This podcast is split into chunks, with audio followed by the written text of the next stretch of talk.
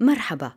مع فريق الآن نقوم برصد أخبار الجماعات الجهادية وبشكل رئيس من خلال حساباتهم على التليجرام. نرصد الأخبار ونحاول أن نضعها في إطارها. ماذا تعني اليوم؟ كيف ترتبط؟ بما كان أمس؟ وكيف ستؤثر في أحداث الغد؟ أنا نهاد الجريري أهلا بكم. مرصد الجهادية بودكاست على راديو الآن. في هذا الأسبوع حرب على التليجرام تستهدف حسابات داعش وداعش يضرب في الجزائر ومالي والذكرى الثلاثين لاغتيال عبد الله عزام عراب الجهاد الأفغاني. جاء ولداه من عمان مرسلين من حركة الإخوان المسلمين هنا في الأردن. يحملان معلومات لأبيهما أن هناك تخطيط لاغتيالك. المعلومات من الأردن رسمية للإخوان نقلت عبر ولدي عبد الله عزام إلى عبد الله عزام مباشرة. سنتحدث إلى الدكتور حمدي مراد بعد حوالي ست دقائق من الآن عن شهادته على هذا الحادث. مرصد الجهادية إذا أسبوع مجنون حرب من نوع آخر. هذا الأسبوع قام اليوروبول بالتعاون مع تسع منصات إعلامية على الإنترنت بعملية تطهير لحسابات داعش على تيليجرام، جوجل، Files.fm، تويتر، إنستغرام ودروب بوكس. تيليجرام طبعا كانت المنصة الأكثر استهدافا نظرا لنشاط داعش عليها فحسابات أعماق وناشر الدولة موجودة هنا وأنصار داعش يتناقلون أخبار التنظيم منها على تيليجرام وهذه ليست المرة الأولى التي يقوم بها اليوروبول بعملية التطهير هذه من خلال وحدة الإنترنت في المنظمة الدولية اللي أنشئت عام 2015 اللي صار فجأة اختفت قنوات داعش التقليدية والحقيقة شاهدت شيء شبيه بهذا عندما قتل البغدادي. الحسابات التقليدية اختفت أو غيرت طريقة عرضها تخوفا من استهداف ذلك الوقت لكنها ظلت موجودة بصيغة روابط وحسابات يشار إليها بأرقام لا أسماء. الحسابات رفيعة المستوى إن صح التعبير مثل الفرقان وأعماق ظهرت هذه الفترة مؤقتا لنقل الإعلان عن الخليفة الجديد. هذه المرة اختفت الحسابات لكنها ظلت موجودة كما السابق من خلال تناقل أنصار التنظيم الروابط الخاصة بهالقنوات يعني هي أشبه بمرايا للحساب الرئيسي حتى يضمنوا عدم استهداف الحسابات الأم. المشكلة اللي حدثت لاحقا هي أنه الصحفيين والباحثين الذين يراقبون هذه الحسابات تعرضوا للحظر أيضا. مينا اللامي التي تقود فريقا للرصد الإعلامي في بي بي سي متخصص بالحركات الجهادية؟ نشرت على تويتر أنه تيليجرام حظر حساب فريقها. ودعت الصحفيين والباحثين ممن تعرضوا لحظر مماثل إلى الكتابة إليها ورد كثيرون ومنهم باحثون في منصات مهمة مثل جهادولوجي نحن في الآن طبعا تم حظرنا أيضا. وتواصلنا مع تليجرام وردوا بأنه هذا الإجراء سيظل قائم ضمن حملة اليوروبول حتى إشعار آخر وإن كان ثمة متسع لإلغاء الحظر بعد التحقق من هوية الحساب وأنه ليس من أنصار داعش. المهم تمكنت بعد حظر ثلاث حسابات لي في يوم واحد من أنه أطلع على حساب ناشر نيوز. أعتقد أني توصلت إلى طريقة لتجنب الحظر. لست متأكدة بعد من أنه هاي الاستراتيجية ستكون ناجحة لكن الحساب شغال. على الأقل حتى ساعة إعداد هذه المادة صباح يوم الجمعة 29 نوفمبر. وإن شاء الله إذا ثبت نجاح هاي الاستراتيجية آه، رح أحكي لكم عنها بالحلقة الجاية. المشكلة مرة أخرى هي أنه حسابات داعش الرئيسية موجودة ومتاحة. بعد منتصف ليل الخميس على الجمعة نشرت وكالة ناشر نيوز العدد 210 من صحيفة التنظيم النبأ. الافتتاحية على الصفحة رقم 3 جاءت بعنوان منتصرون في الحرب الإعلامية بإذن الله وفيها يقول داعش مخاطبا القائمين على حملة التطهير هذه وهم يعلمون علم اليقين أن قضية عودة المجاهدين إلى نشاطهم السابق وبطرق أخرى هي مسألة وقت لا أكثر وأن تكاليف ذلك على المجاهدين لا تكاد تذكر مقارنة بالتكاليف الكبيرة المالية والبشرية التي يبذلونها هم لتقييد إعلام الدولة الإسلامية. انتهى الاقتباس. وفي زاوية حصاد الأجناد الأسبوعية بلغت حصيلة هجمات داعش 48 عمل إرهابي وهو أقل عدد منذ أكثر من شهر. الأبرز في هاي الهجمات كان قتل 8 جنود في الجزائر وقتل 13 جندي فرنسي في حادثة تصادم مروحيتين في مالي. هذا الحدث كان على الصفحة الأولى. النبأ نشرت صور الجنود المقتولين وقالت أنه تحطم المروحيتين كان نتيجة كمين لعملية إنزال جنود من المروحية الأولى اللي اصطدمت بالمروحية الثانية أثناء إخلاءها المكان بعد تعرضها لإطلاق النار. في الصفحة الأخيرة أوردت النبأ حصاد غرب إفريقيا خلال الربع الأول من هذا العام. 57 هجوم طبعا كان الأبرز هو هجوم الجزائر ومالي. وعن هذا الموضوع سنتحدث إلى الدكتور إدريس الجنبوري الكاتب والباحث المغربي بعد حوالي ربع ساعة من الآن. مرصد الجهادية بودكاست على راديو الآن. هذا الأسبوع وتحديدا في 21 نوفمبر صادفت الذكرى الثلاثين لاغتيال الدكتور عبد الله عزام عراب الجهاد الأفغاني الذي منه انطلق الإرهاب إلى العالم. أسامة بن لادن كان أحد تلاميذه. عبد الله عزام أردني من أصل فلسطيني حاصل على الدكتوراه من الأزهر. كان من منتسبي الإخوان المسلمين في الأردن ومن مؤسسي حماس في غزة. درس في جامعات بالأردن والسعودية وفي باكستان. وهناك استقال من التدريس الجامعي وأسس مكتب لاستقطاب المجاهدين العرب لأفغانستان إبان الغزو السوفيتي. أغتيل في تفجير عام 89 شاهدا على هذا الحدث كان الدكتور حمدي مراد أستاذ الشريعة والفقه الباحث والمفكر الإسلامي الأردني. في عام 89 تعاقد الدكتور مراد مع الجامعة الإسلامية العالمية في إسلام آباد عاصمة باكستان وتولى رئاسة فرع الجامعة في بيشاور على الحدود مع أفغانستان.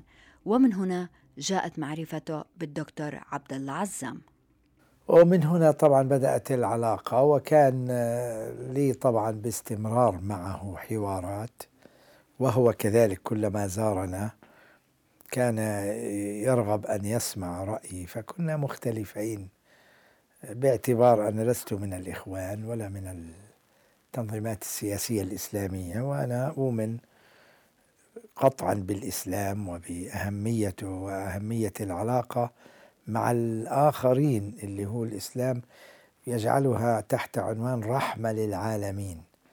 ولا تتحقق الرحمة إلا بعلاقة أخوية راقية بصداقة ومواطنة صالحة مشتركة وبعدل وإنصاف بدون تمييز بين مسلم وغير مسلم.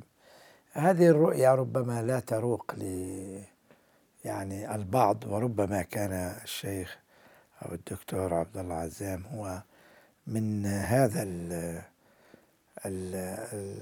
الصنف من العلماء الذي يرى أن المجتمع آه، إن قام يجب أن تقوم له دولته ويقوم له كيانه بمفاهيمه الإسلامية التفصيلية. أنا كنت أرى أن أكون بمفاهيمه الإسلامية الأخلاقية وليست الأحكامية أو الحكمية أو القانونية الإسلامية.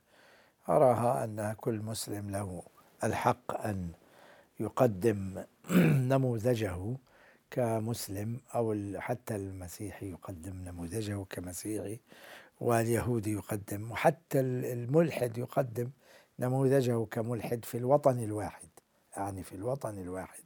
ويكون هناك توافق على دستور يعني يعيشون فيه جميعا بسلام. وبمظلة أخلاقية إسلامية لا بأس دون إكراه أو دخول في قضايا الدين التفصيلي. كل واحد لكم دينكم ولي دين ولكن علاقة المواطنة علاقة مقدسة.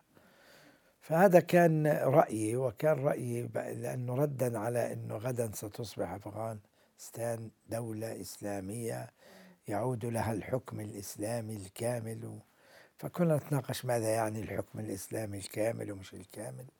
فكان هذا يبدو مدارا الخلاف في الرأي في هذا التفصيل. وموضوع الجهاد هي حركة تحرر أفهمها من خلال القانون الدولي وردا على عدوان واحتلال بدليل أن كل الغرب يؤيد هذا وإن كان الغرب له مصالح سياسية وعلى رأس الولايات المتحدة الأمريكية. بالرغم من الاختلاف في الرأي والمنهج بين الرجلين خاصة أن الدكتور حمدي مراد كان يحاضر بالمجاهدين العرب وغير العرب حول مستقبل أفغانستان وهذا لم يكن يعجب الدكتور عبد الله عزام إلا أن العلاقة بين الرجلين استمرت حتى أيام عزام الأخيرة. كان جاء ولداه من عمان مرسلين من حركة الإخوان المسلمين هنا في الأردن. يحملان معلومات لأبيهما. أن هناك تخطيط لاغتيالك. بل هناك قرار لتصفيتك. المعلومات من الأردن رسمية للإخوان. نقلت عبر ولدي عبد الله عزام إلى عبد الله عزام مباشرة. يروي الدكتور مراد كيف أن الدكتور عبد الله عزام تعرض في الأشهر الأخيرة لمحاولتي اغتيال. كان إحداها بوضع عبوة ناسفة كبيرة تحت منبر الجامع الذي يخطب فيه الجمعة في بيشاور. وجود عزام في الخارج كان مهم لأنه كان يتولى الأمور المالية ويسافر إلى الدول ويحضر الأموال لتمويل المجاهدين في أفغانستان. في نفس الوقت كان تلقى أكثر من تحذير بأنه مستهدف ويبدو أن المعضلة كانت في فتح كابول كما يتكهن الدكتور مراد. وقبلها بأشهر كان قد وصل وفد من الإخوان من الأردن إلى بشاور في في أفغانستان في على حدود أفغانستان وهي مدينة طبعا باكستانية.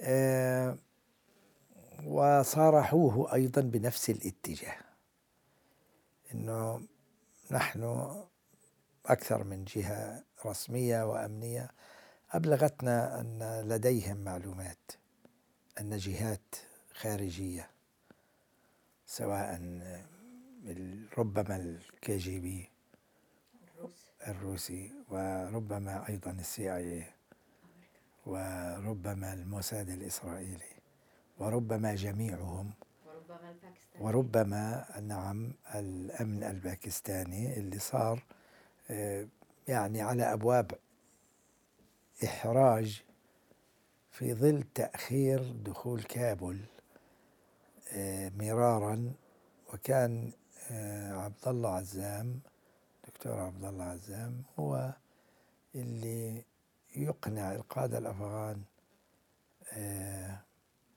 ألا يدخلوا كابول لأنهم كانوا على خلاف.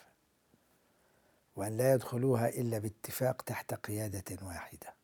طبعا هذا رأي صحيح يعني إذا أخذناه مجردا من أي شيء. القادة الأفغان الذين كانوا على خلاف هم حكمة يار، رباني، يونس خالص وسيف. في ليلة الخميس على الجمعة يوم اغتيل عزام يروي الدكتور مراد أنه عبد الله عزام التقى بحكمة يار ورباني كلا على حدة وأخبره أنه بات قريب من التوصل إلى اتفاق بين الرجلين وفي اليوم التالي كان عزام ينوي أن يلتقي بيونس خالص وسياف حتى يتمم الاتفاق بين الفرقاء الأربعة استعدادا لدخول كابول. وفي صبيحة اليوم الثاني اللي هو الجمعة يعني كنا على موعد باتجاه المسجد. فكان أوصى زوجته أن للغداء. بحكم أولاده ووجودهم ويعني دعانا على أساس نتناول الغداء آه، في آه، بيته يوم الجمعة. وقال لها يعني أن تصنع الدجاج والمقلوبة لضيوفنا ولأبنائنا. يعني ليست آه، وليمة موسعة يعني محدودة يعني محدودة. فمررنا يعني على أساس نتجه إلى المسجد كل بسيارته يعني. هو عنده سيارة بجيرو بخرج معاه مسلحين من أبنائي هو خالهم أخو أمهم يعني بادي جاردز يحرسونه دائما. وأذكر أنه كنا كان يعني كنا في سيارته معه والحرس في الخلف وابنه أخذوا سيارة عادية معهم. بعدين قبل أن جئنا نتحرك فابنه طلب أن يأتي أباه معه اللي هو الدكتور عبد الله عزام. فقال له يا ابني يعني اذهبوا أنتم إحنا يعني الحقوا بنا أو نلحق بكم إلى المسجد. قالوا لا ما إحنا بدنا نتحدث معك في نفس الموضوع. قال لا هذا موضوع انتهى من الأمس ما تحكوا له معي. المهم والله أنا قلت له يعني اذهب يعني ارضاء لأبنائك يعني مش يعني راغبين أن تكون معهم. فقال كيف يعني؟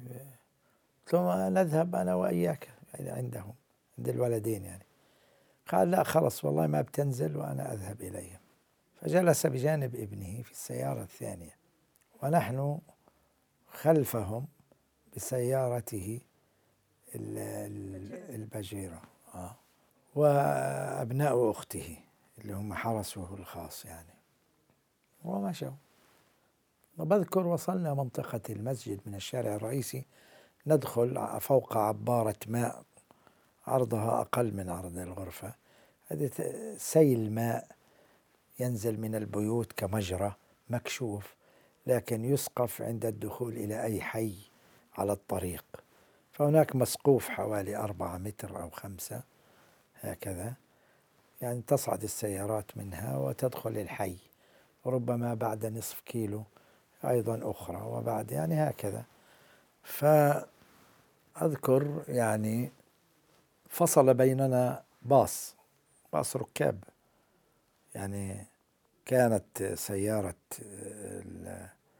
سيارة ولده وهو إلى جواره وأخوه في خلفها في الكرسي الخلفي ونحن وراءهم. هم سياقتهم في باكستان يعني سريعة و ودخلوا على على بعد خمسة سنتي من سيارتك. المهم دخلوا بيننا. فدخل الباص وأكمل دكتور بالسيارة. وإحنا قريب بدنا نقطع الجسر قبلها ب 200 متر فقط أو أقل. والمسجد في داخل الحي أيضا حوالي 500 متر. فصار الباص بيننا وبين السيارة وجئنا بدنا نرجع يعني وقف الباص بده يحمل ركاب. فأيضا السيارات المارة ما أعطتناش فرصة بسرعة. في ثواني المسألة كلها يعني ربما نصف دقيقة اللي بتكلم عنه. يعني في في ثواني الدقيقة الواحدة. حدث الانفجار. تكسرت آه، نوافذ الحافلة. والسيارة يبدو من ضغط الانفجار حتى اللاند روفر أو الباجيرو يعني اهتزت اهتزازا شديدا. اللي كنا فيها. فإحنا ما عرفنا ما الذي جرى. فنزلنا فورا طبعا والدخان والنار. وإذا بالسيارة مشطورة شطرين. قسمين. وقسم النصف الأمامي فيه السائق ولده وهو. وهو م م يعني رأسه منحنى لأنه النصف هكذا منحني إلى الخلف على على الشارع. وولده من الأعلى ما في شيء ومن هنا ما في شيء. يعني من فوق سليم ومن تحت لا رجلين ولا وإذا بالأرجل والكذا على أسلاك الكهرباء والتليفونات وال فالأشلاء على الأعمدة. وأيضا الولد الثاني في النصف الثاني السيارة قسمين تماما تماما. يعني نصف هناك طار حوالي أربعين خمسين متر ونصف طار عكسي قليلا. والابن الآخر آه، أيضا من هنا إلى فوق كأنه نائم وممزق من تحت ما في شيء. يعني لا أرجل ولا بطن ولا فالشيخ عبد الله عزام لا شيء فيه ولكنه مغمى عليه ويقول الله الله الله الله هكذا. فحملناه في مستشفى قريب على بعد كيلومتر فقط. اسمه المستشفى الكويتي. الكويتيين يعني متبرعين به. فنقلناه في لاند روفر في الباجيرو وبقي طول الطريق يقول يعني الله ولا يتكلم. ونتكلم معه لا يرد. وفقط نقاط دم من الأنف. خفيفة حتى مش. ولا نحن لا نعلم ماذا جرى له. هل, هل هو هناك شظايا في جسده؟ لكن لم نرى دما. ملابسه يعني كامل الصحة يعني كامل الجسد. لا ينقص حتى الشماغ هذا اللي على رأسه الحطة والعقال والكوفية يعني. فنقلناه. وصل الطوارئ متوفى. الطوارئ. يعني الفحص الأولي يعني كان يعني بتوقع إذا فقد الحياة بين نقله من السيارة إلى الطوارئ. يعني مسافة خمسين ستين سبعين متر بس فقط. ومجيء الدكاترة فقالوا يعني فارق الحياة. لكنه غادر السيارة لما تركتوه أنتم كان على قيد الحياة. كان هو كان يعني لا يتحرك. ولا يتكلم إلا الله الله الله الله هكذا. بس وعيناه مغمضتان ولا يتحرك وحملناه كميت لكن يتكلم. وخف الكلام على الطريق الله الله ويقطع الله الله هكذا يعني تقريبا. لكن شاعرين إنه فيه حياة وظننا يمكن يكون مغمى عليه. خلال دقائق حكوا لكم إنه هو فورا يعني من الفحص الأولي. الفحص الأولي طبعا قلنا لهم حاولوا بال يعني التنفس شفتوا شفتهم وهم؟ آه آه آه يعني هم حاولوا نعم. حاولوا ولكن يعني هو من الفحص الأولي فورا إنه ما في نبض في توقف للقلب لكن عملوا محاولة التنفس. لما كانوا بيعملوا الإسعاف الأولي أنت كنت تشوف آه كنا إحنا دخلنا معهم. إحنا دخلنا معهم. غياب عبد الله عزام أتاح المجال لأسامة بن لادن للبروز متخذا من جماعة الجهاد المصرية ركيزة له مخالفا بذلك منهج عزام. وفي الحلقات المقبلة سنتحدث أكثر للدكتور حمدي مراد المفكر والباحث الإسلامي عن أسامة بن لادن والظواهري والزرقاوي. مرصد الجهادية بودكاست على راديو الآن. نعود إلى داعش في إفريقيا والعمليات النوعية الأخيرة هناك. الهجوم في الجزائر وحادثة تحطم المروحيتين الفرنسيتين في مالي. ماذا يعني ذلك بالنسبة لداعش وبلد مثل الجزائر؟ تحدثت إلى الدكتور إدريس الجنبوري الكاتب والباحث المغربي. يجب وضع في الاعتبار أن يعني بعد القضاء على تنظيم ما يسمى بالدولة الإسلامية يعني قبل تقريبا عامين من طرف التحالف الدولي ثم يعني الآن مقتل زعيمها أبي بكر البغدادي. التنظيم بدأ يبحث عن يعني عن آفاق جديدة لإعادة إحياء نفسه من من جديد، نحن نعرف أنه تقريبا الآن في العراق وسوريا تم القضاء عليه نهائيا اجتثاثه من الجذور.